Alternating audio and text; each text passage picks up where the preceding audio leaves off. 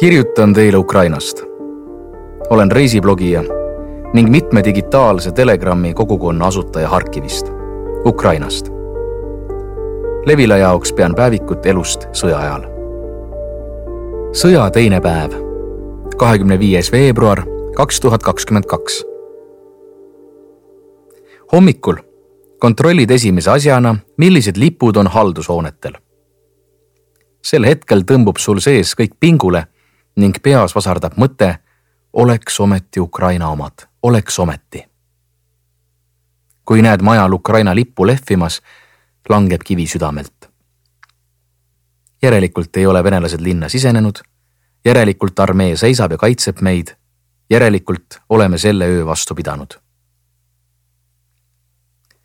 kahe tuhande neljateistkümnendal aastal, kui Donetskis ja Luhanskis moodustati niinimetatud rahvavabariigid üritati ka Harkivis midagi taolist teha. ärkasin ühel hommikul ja nägin oblasti valitsusel Venemaa lippe.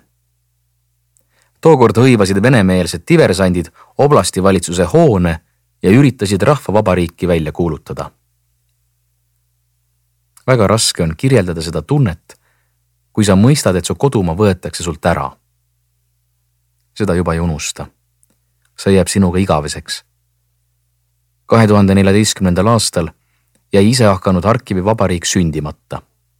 venemeelsed jõud peksti hoonest välja ja linn jäi iseseisva Ukraina koosseisu. ööd on sõja ajal alati rahutud. magama peab akendest eemal, aknaklaasid tuleb kindlasti teibiga üle kleepida.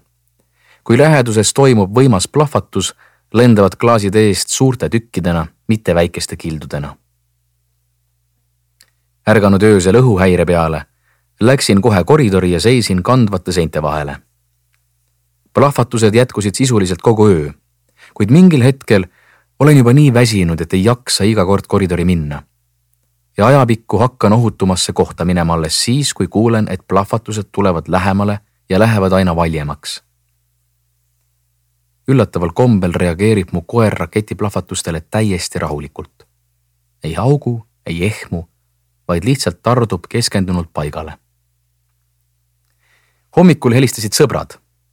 Max ja Olja pakkusid, et koligu ma kesklinnast nende juurde eeslinna. esimese päeva kogemuse põhjal arvasime, et kesklinn on kõige ohutum koht, kus raketid küll lendama ei hakka. Olja ütles, et nende juurde on kogunenud kaksteist inimest ja kui ma ikkagi otsustan, siis võin tulla ükskõik millal. otsustasin helistada Serjožale ja Nastjale kes samuti elavad kesklinnas. Nad ütlesid, et jäävad paigale ega hakka kuhugi matkama. kindluse mõttes helistasin veel Jošale, kes elab samuti kesklinnas. pikapeale veenis ta mind ära, et praegu ei ole mõtet kesklinnast kuhugi mujale minna. esiteks tuleb kokku panna põhilised ja hädavajalikud asjad. ja teiseks, kesklinnas istuda on ohutum kui läbi linna liikuda sõja teisel päeval otsustasin, et on aeg igaks juhuks kokku pakkida kõik dokumendid ja olulisemad asjad. võtsin üle kaheksa aasta esimest korda välja suure seljakoti. mulle oli täiesti selge, et asjade kohvrisse pakkimine pole hea mõte. kohver võtab sult mobiilsuse, seljakott jätab käed vabaks, aga see on väga tähtis üks keerulisemaid ülesandeid oli sellise toidu leidmine, mida võiks valvekotti pakkida supermarketite ümber valitseb metsik ažiotaaž. järjekorrad on kilomeetri pikkused, isegi hoolimata õhuhäirest. sisse lastakse kümme kuni kakskümmend inimest. arusaadavalt on poeriiulid peaaegu tühjad. seetõttu tuleb hakata läbi kammima kõiki kesklinna väikepoode. kakskümmend viis minutit otsinguid kandsid vilja. leidsin ühe avatud pisipoe. see oli väikene võit oleksin supermarketi järjekorras kindlasti tunde seisnud ja mine tea, kas sealsetelt riiulitelt olekski veel midagi võtta olnud.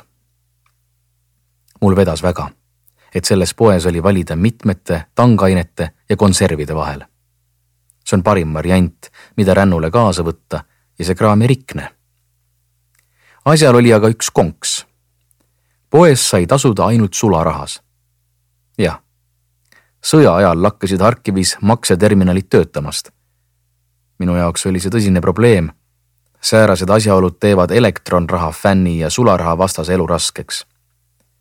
ja kui supermarketi järjekorras tuleb seista kaks-kolm tundi, siis pangaautomaadi sabas võid seista kauemgi. ning kui mõne automaadi juures ei ole saba, siis tähendab see vaid seda, et seal on sularaha otsa saanud ja niipea seda küll juurde ei tooda. Mind päästis vaid see, et mul elab poest umbes kümne minuti tee kaugusel tädi valisin tema numbri ja küsisin, ega tal sularaha juhtu olema. rõõmustasin väga, kui ta ütles, et oli just jõudnud eelmisel päeval viimase raha välja võtta ja saaks anda mulle sada viiskümmend dollarit. sellest sai mu päästerõngas linnas, kus ei saa kuskil ega millegi eest kaardiga maksta. Läksin poodi tagasi ja ostsin omale nädalase toiduvaru.